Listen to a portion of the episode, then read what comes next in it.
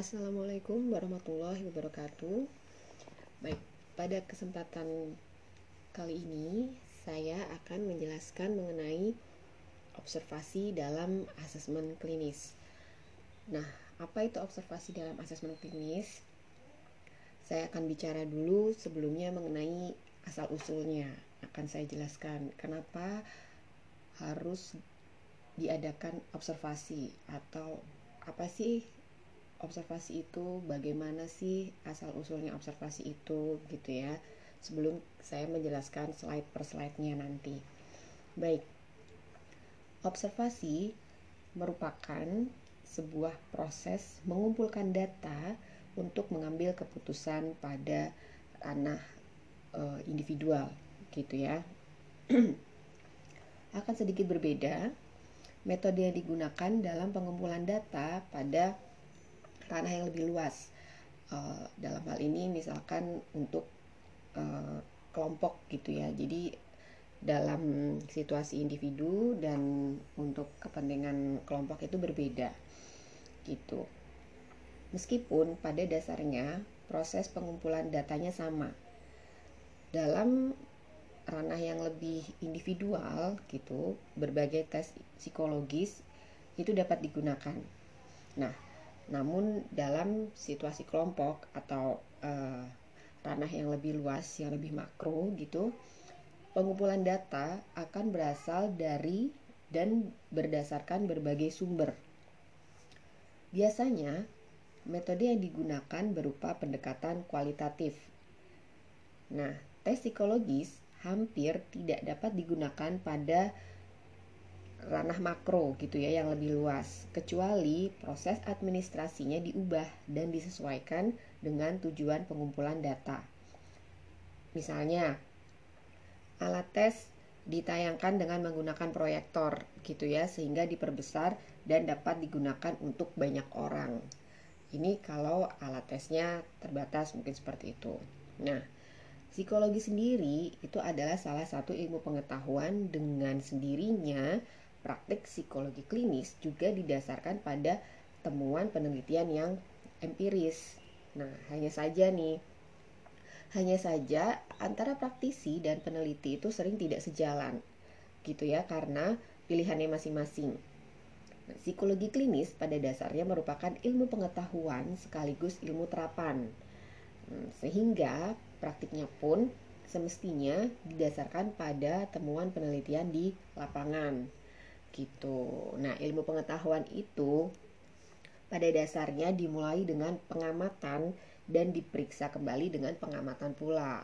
Gitu. Jadi untuk menemukan sesuatu itu para ahli melakukan observasi lalu diperiksa lagi dengan observasi gitu. Nah, observasi itu dapat digunakan dengan panca indera Begitu. Selain itu, observasi dapat memanfaatkan perkembangan teknologi terkini dan tercanggih seperti penggunaan rekaman video, rekaman audio, begitu ya. Contohnya penggunaan MRI ya, functional magnetic resonance imaging. Ini untuk mengamati bagian otak mana yang aktif ketika seseorang diberi diberi tugas tertentu MRI dalam bidang kedokteran itu ya. Nah, hanya saja penggunaan alat ini masih sangat mahal gitu dan hanya ada di rumah sakit besar begitu ya. Um, lalu kemudian kenapa observasi itu melibatkan panca indera? Nah, karena panca indera adalah alat pengamatan manusia tertua yang digunakan untuk memeriksa tubuh manusia dalam ilmu kedokteran dan memeriksa perilaku manusia dalam bidang ilmu psikologi. Gitu. Nah, jadi observasi melalui panca indera sangat ajak hasilnya apabila digunakan terus-menerus sehingga peka terhadap perubahan perilaku manusia yang diamati. Nah, hasil pengumpulan data dari alat dengan teknologi secanggih apa pun itu pada dasarnya tetap membutuhkan panca indera manusia untuk mengartikan data yang telah terkumpul. Makin banyak mengamati akan makin peka panca indera kita. Nah, dari panca indera eh, kita bisa lihat penglihatan merupakan andalan dalam mengamati perilaku manusia. Begitu ya. Setelah itu pendengaran menjadi alat yang banyak digunakan. Perabaan merupakan indera ketiga yang juga tidak kalah banyak digunakan di samping penglihatan dan pendengaran. Penciuman masih banyak digunakan ketika mengamati perilaku orang lain. Pengecapan sangat jarang digunakan untuk mengamati perilaku orang lain karena sampel yang diambil harus dirasakan oleh lidah. Begitu. Nah, mm, mengenai indera yang satu ini kurang dapat dimanfaatkan gitu karena lidah kita ada di dalam mulut sehingga sampel harus dimasukkan ke mulut dan dan dirasakan oleh lidah. Begitu. Perilaku seperti ini sangat pribadi sifatnya dan tidak semua orang bersedia menggunakan inderanya ini untuk mengambil data dari perilaku orang lain. Gitu ya. Nah, selain itu, observasi itu tidak hanya dapat dilakukan melalui panca indera. Bantuan alat perekam elektronik akan banyak membantu, misalkan pakai kamera, eh, dari kamera handphone, kamera video gitu ya. Melalui rekaman ini, observasi dapat diulangi dan dapat diamati oleh beberapa orang sekaligus dan diputar secara berulang-ulang. Jadi, kevalitan datanya itu lebih bisa dipertanggungjawabkan gitu. Hasilnya juga dapat dianalisis lebih cermat ya. Secara khusus, pendekatan kuantitatif menekat, menekankan pentingnya keajekan pengamatan melalui beberapa orang penilai hasil rekaman atau disebut juga uh, rater gitu. Rater itu penilai, observer. Kurang lebihnya seperti itu. Nah, eh, lalu masuk ke slide yang kedua, pengertian observasi. Ya, jadi istilah observasi itu diarahkan pada kegiatan memperhatikan secara akurat, mencatat kemunculan fenomena dan mempertimbangkan hubungan antar aspek dalam fenomena tersebut. Nah, observasi ini itu bertujuan untuk memberikan deskripsi serta makna berdasarkan perspektif komponen kejadian yang diamati bisa dari latarnya, aktivitasnya, atau dari individu tersebut. Lalu kemudian observasi juga menggunakan panca indera seperti tadi yang sudah saya jelaskan, terutama penglihatan dan pendengaran yang berfungsi untuk mengamati gejala-gejala yang muncul dari seorang individu atau dari observasi yang sedang dilakukan. Nah, observasi ini sendiri terdapat tiga komponen, yaitu teknik mengamati, teknik pencatatan, dan yang ketiga adalah tek teknik inferensis. Teknik inferensis itu adalah proses pengambilan kesimpulan. Nah, jadi observasi itu merupakan metode. Objek dari observasi itu adalah tingkah laku. Nah, tingkah laku yang terjadi itu bersifat kontekstual, gitu ya. Kemudian, tingkah laku yang bersifat kontekstual yaitu tingkah laku yang mencakup setting dan situasinya. Gitu. Nah, setting di sini adalah fakta-fakta yang bersifat kasat mata, yang real, yang dapat dilihat seperti ruang fisik, benda-benda yang ada di dalam ruangan, dan kesempatan individu dalam bertingkah laku dalam ruangan tersebut. Nah, sedangkan situasi sendiri itu berkenaan atau berkaitan dengan kondisi psikologis dan sosial yang muncul dalam setting tertentu. Nah, kemudian setting uh, maaf, situasi ini terjadi dalam setting dan setting memiliki karakteristik fisik dan sosial psikologis. Lalu selanjutnya untuk slide yang keempat, observasi klinis. Nah, dalam latar wawancara klinis, observasi itu digunakan untuk mempelajari secara langsung perilaku pasien, seperti komunikasi nonverbalnya atau respon fisiologisnya. Jadi kalau misalkan pasien atau klien mengatakan atau sedang menceritakan hal yang menyedihkan, apakah raut mukanya, gestur tubuhnya juga menyiratkan adanya kesedihan seperti itu? Atau respon yang lainnya apakah ketika menceritakan sesuatu hal yang pengalaman yang kurang disukainya atau yang membuatnya trauma apakah ada ciri-ciri fisiologisnya yang menunjukkan juga mengarah ke sana? Misalkan terus ada bagian tubuhnya yang sakit atau dia menahan kesakitan. Nah itu juga kita perlu observe gitu ya. Nah kemudian selain dalam konteks alamiah seperti di tempat praktek observasi juga dapat berlangsung dalam konteks laboratorium atau eksperimental. Dengan kata lain sengaja dilakukan percobaan gitu Lalu kemudian pada slide yang kelima, manfaat observasi klinis. Nah, hmm, manfaat observasi klinis itu menjadikan pemahaman lebih baik mengenai suatu konteks gitu ya. Penemuan yang didasarkan pada pembuktian juga bisa dilihat kebenarannya. Lalu refleksi terhadap hal-hal yang kurang disadari oleh pasien gitu. Jadi kita bisa mendapatkan data yang lebih banyak dan untuk um, mendiagnosa atau menyimpulkan suatu permasalahan juga bisa lebih akurat gitu. Lalu manfaat observasi klinis selanjutnya, kita bisa menemukan hal-hal yang tidak diungkapkan secara terbuka dengan wawancara.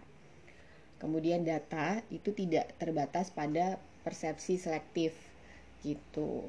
Kemudian impresi dan refleksi perasaan itu menjadi bagian untuk memahami fenomena yang dialami pasien. Nah, kurang lebihnya itu tadi manfaat observasi klinis. Lalu lanjut ke slide yang keenam, jenis observasi.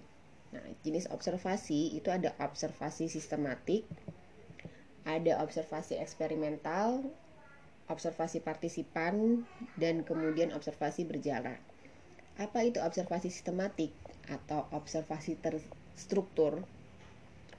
Nah, observasi sistematik ini mengacu pada adanya kerangka pengamatan yang memuat ciri-ciri khusus dari setiap aspek yang diamati. Gitu. Sedangkan observasi eksperimental hal ini merujuk pada adanya pengendalian terhadap unsur-unsur penting ke dalam situasi yang diamati untuk mengurangi atau menghindari bahaya timbulnya faktor-faktor lain yang dapat mempengaruhi situasi amatan, jadi situasi yang sedang diobservasi sehingga sesuai dengan tujuan riset. Gitu. Sedangkan observasi partisipan ini lebih mengacu pada adanya interaksi dan keterlibatan antara pengamat dengan subjek yang dipelajari. Gitu. Observasi partisipan biasanya merupakan bagian dari proses wawancara. Jadi eh, pengamat atau observer itu juga bisa berinteraksi gitu dengan observi atau uh, yang sedang diobservasi gitu ya. Yang keempat adalah observasi berjarak atau unobtrusive.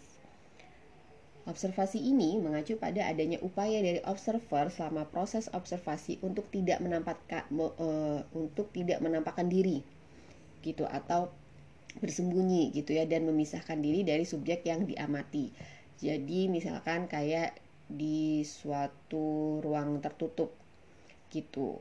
Uh, kalau misalkan kayak di ruang investigasi yang hanya one yang hanya ada one way mirror gitu ya di dalam ada um, objek yang sedang diobservasi kita di balik cerminnya gitu. Nah ini disebut juga observasi unobtrusive. Jadi kita melihat perilaku pasien atau klien yang sesuai dengan fenomenanya uh, fenomena kepribadiannya apa, fenomena permasalahannya apa. Kita lihat di situ tapi kita uh, tidak menampakkan diri dan si klien atau pasien itu juga tidak tahu kalau dirinya sebetulnya sedang diobservasi gitu. Kemudian pada slide yang ketujuh adalah validitas dan reliabilitas observasi. Ya, validitas dan reliabilitas observasi yang pertama, variabel itu um, oh, maaf, variabel amatan itu didefinisikan dengan jelas. Gitu ya. Yang kedua, observasi dilakukan secara hati-hati oleh individu terlatih.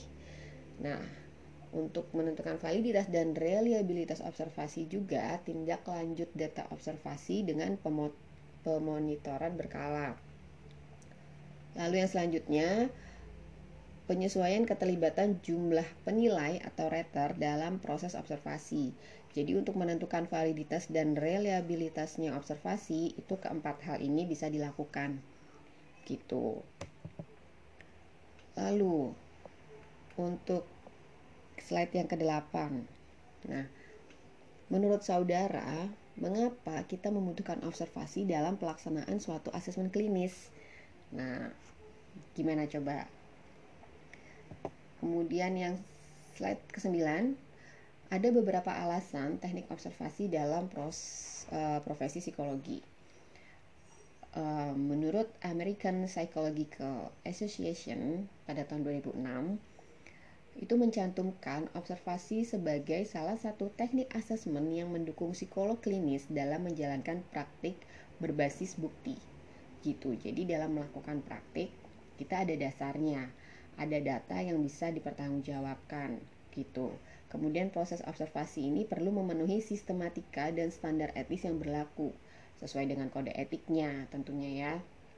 Lalu memperoleh data langsung dari real life phenomenon. Data yang diperoleh sangat beragam. Jadi eh, seperti tadi yang sudah saya jelaskan di awal bahwa eh, observasi itu konteksnya jelas gitu. Jadi bisa dilihat dengan kasat mata gitu ya. Jadi data bisa diperoleh langsung. Kemudian alasan yang selanjutnya menggunakan teknik observasi dalam profesi psikologi itu karena analisis tingkah laku dilakukan e, psikolog, orang tua, guru itu bisa berbeda. Mengapa? Ini bisa terjadi karena sering kali peristiwa penting itu tidak tercatat atau dicatat dengan pendekatan yang berbeda. Sehingga analisis oleh lebih dari satu orang itu bisa meningkatkan validitas dan reliabilitas dari observasi tersebut. Gitu. Bisa juga disebut sebagai um, validitas antar rater gitu ya rata-rata itu antar pemeriksa. Jadi ada tiga pemeriksa. Kalau ingin valid dan reliable kurang lebih minimal itu tiga. Jadi data itu bisa lebih dipertanggungjawabkan. Misalkan antara observer 1 dan 2 itu datanya agak berbeda diuji lagi dengan observer yang ketiga. Observer yang ketiga itu bagaimanakah datanya? Apakah mengarah ke data yang sesuai dengan observer pertama dan kedua gitu. Jadi kalau misalkan lebih mengarah ke observer yang kedua, berarti datanya lebih valid yang dikumpulkan atau yang dianalisa oleh observer yang kedua gitu. Jadi untuk uji validitas dan reliabilitasnya untuk observasi ini bisa dilakukan oleh um, tiga observer gitu. Nah, selain pengukuran data melalui alat ukur lain, tes ataupun kuesioner gitu ya. Nah, teknik observasi ini dapat dipakai sebagai salah satu cara memperoleh data, seperti yang tadi saya jelaskan. Lalu kemudian alasan um, teknik observasi dalam profesi psikologi itu selanjutnya adanya unsur etika, ya, yang mencakup privasi, persetujuan, jaminan perlindungan, kenyamanan dan keamanan, proses diseminasi informasi kepada profesional dan komunitas ilmuwan, pencegahan ke kecurangan dan penipuan serta pertanggungjawaban terhadap penggunaan data pen, e, penggunaan data itu penting dipahami oleh pasien. Gitu selain itu, agar dapat mempertanggungjawabkan keabsahan datanya, pemilihan metode observasi disesuaikan dengan tujuan pengamatan konteks amatan, dan ketersediaan sumber daya pada kondisi yang diamati. Nah, untuk melakukan observasi, tahap persiapannya itu adalah uh, seperti ini. Hal yang perlu diperhatikan dalam membuat rancangan observasi itu menetapkan maksud dan tujuan. Maksud dan tujuan di sini adalah siapa yang dikenakan observasi, target behaviornya seperti apa, lalu menetapkan landasan teoritiknya. Selanjutnya menentukan jenis data yang akan diamati. Yang keempat adalah menetapkan tipe pengukuran dan pencatatan data. Nah, beberapa teknik pencatatan itu ada yang menggunakan checklist, rating scale, anekdota record, atau narrative description. Kemudian menetapkan subjek yang akan dikenai observasi. Lalu yang selanjutnya adalah menentukan cara pengambilan data. Nah, cara pengambilan datanya ini dilakukan dengan partisipan langsung atau tidak langsung.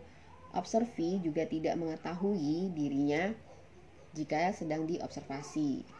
Dan yang selanjutnya adalah menetapkan cara pengolahan data dan interpretasi data. Lalu slide yang ke-12. Nah, ada beberapa kendala observasi, di antaranya adanya halo effect. Itu adanya kesan gitu ya, tergantung kesan pertama saat pembuatan reportnya gimana. Report itu uh, pada saat kita bertemu dengan klien gitu. Atau bisa disebut juga hubungan baik gitu. Nah, Kesan pertama yang dibentuk oleh klien itu seperti apa? Kemudian refleksi observer. Struktur kepribadian observer tercemin dalam hasil observasi itu sendiri. Lalu kendala yang selanjutnya adanya generosity effect gitu ya, di mana observer itu cenderung berbuat baik dalam situasi yang meragukan, sehingga cenderung memberikan penilaian yang merugikan atau menguntungkan pasien atau klien gitu. Nah, ini harus di harus hati-hati dalam menyikapi hal ini gitu ya jadi kalau pas observasi uh, kita harus memberikan penilaian yang harusnya objektif gitu. Lalu kendala selanjutnya ada severity error. Observa, uh, observer itu cenderung memberikan penilaian yang rendah untuk observi. Gitu. Selanjutnya ada yang namanya central tendency error. Ya maksudnya adalah observer cenderung memberikan penilaian di daerah rata-rata sehingga observer melakukan uh, underestimate atau overestimate terhadap tingkah laku observi gitu ya. Jadi penilaiannya di batas yang normal aja gitu. Jadi misalkan ada kecenderungan perilaku yang berbeda terhadap observi, itu observer kurang dapat melihatnya secara objektif. Lalu yang selanjutnya adalah carryover effect, di mana observer tidak bisa memisahkan satu gejala dengan gejala yang lain. Begitu tidak bisa membedakan. Nah, selanjutnya ada primary effect. Itu adalah observer memberikan kesan pertama, memberikan efek distorsi bagi kesan-kesan atau penilaian selanjutnya. Selanjutnya ada observer reactivity, di mana observer mengubah pencatatan tingkah laku ketika ia menyadari dirinya diamati. Gitu. Um, kemudian, oh maaf, observer reactivity itu mengubah mencatatan tingkah laku ketika ia menyadari dirinya diamati. Ini untuk observi ya, gitu kurang lebih. Jadi observinya uh, merubah tingkah lakunya ketika dia sadar kalau dia sedang dalam pengamatan gitu. Lalu kemudian sensitivity and awareness. Jadi observer kehilangan kepekaan terhadap apa yang diamati meskipun ia memiliki skill observasi. Nah, itu kadang hal ini terjadi. Makanya kita perlu melihat lebih uh, dalam lagi atau kembali lagi ke tujuan dari observer uh, maaf tujuan dari observasi ini apa gitu. Jadi supaya tidak terjadi kendala-kendala yang seperti tadi saya jelaskan. Selanjutnya, observasi dalam pemeriksaan psikologi yaitu pemeriksaan psikologi yang baik, hakikatnya mencoba mengidentifikasi dan memahami variabel psikologis untuk penegakan diagnosa. Gitu ya. Jadi observasi itu adalah salah satu teknik psikodiagnostik yang sangat krusial penggunaannya dalam pemeriksaan psikologi. Observasi juga dapat dikombinasikan, misal dengan psikologi, eh, tes psikologi dan wawancara. Nah, observasi dalam psikodiagnostik ini untuk pemeriksaan yang dilakukan untuk pemeriksaan itu dapat dilakukan langkah pertamanya uh, adalah untuk keperluan asesmen awal Kemudian menentukan kekuatan observinya digunakan untuk meningkatkan hal-hal yang masih lemah gitu ya. Maksudnya adalah uh, kita lihat orang yang akan kita observasi itu seperti apa. Jadi data-data yang masih lemah, yang masih perlu dikuatkan itu bisa kita temukan di dalam observasi gitu. Kemudian observasi dalam psikodiagnostik itu digunakan untuk merancang rencana individual klien atau pasien. Selanjutnya seperti apa? Kira-kira apakah diperlukan terapi lebih lanjut atau penanganan permasalahannya seperti apa? Lalu kemudian dasar titik awal kemajuan klien atau prognosisnya bisa dilihat dari observasi yang dilakukan. Jadi apakah dari permasalahan klien, klien itu memiliki kesempatan untuk istilahnya memiliki kemampuan adaptasi yang lebih bagus atau bahasa mudahnya apakah kemungkinan sembuhnya dari gangguan yang dimiliki itu lebih baik gitu. Selanjutnya itu mengetahui perkembangan anak pada area tertentu.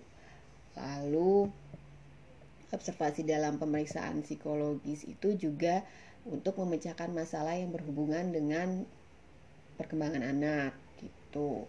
Kemudian bahan untuk memberi laporan kepada orang tua, guru, dokter dan profesional lain gitu ya. Lalu observasi dalam pemeriksaan psikologi itu juga dapat menjadikan sebuah informasi di sekolah untuk keperluan uh, data bimbingan konseling gitu ya. Selain itu juga bisa digunakan untuk informasi status klien klinis jika di uh, rumah sakit jiwa gitu. Kurang lebihnya itu yang dapat saya jelaskan mengenai observasi dalam asesmen klinis. Nah, uh, untuk selanjutnya tadi bisa dijawab ya yang sudah saya jelaskan dan saya tanyakan tadi pada slide ke 8 gitu. Akhir kata terima kasih atas atensi teman-teman. Saya mohon maaf jika ada yang kurang berkenan atau yang kurang jelas bisa silahkan ditanyakan langsung kepada saya. Gitu Terima kasih. Wassalamualaikum warahmatullahi wabarakatuh.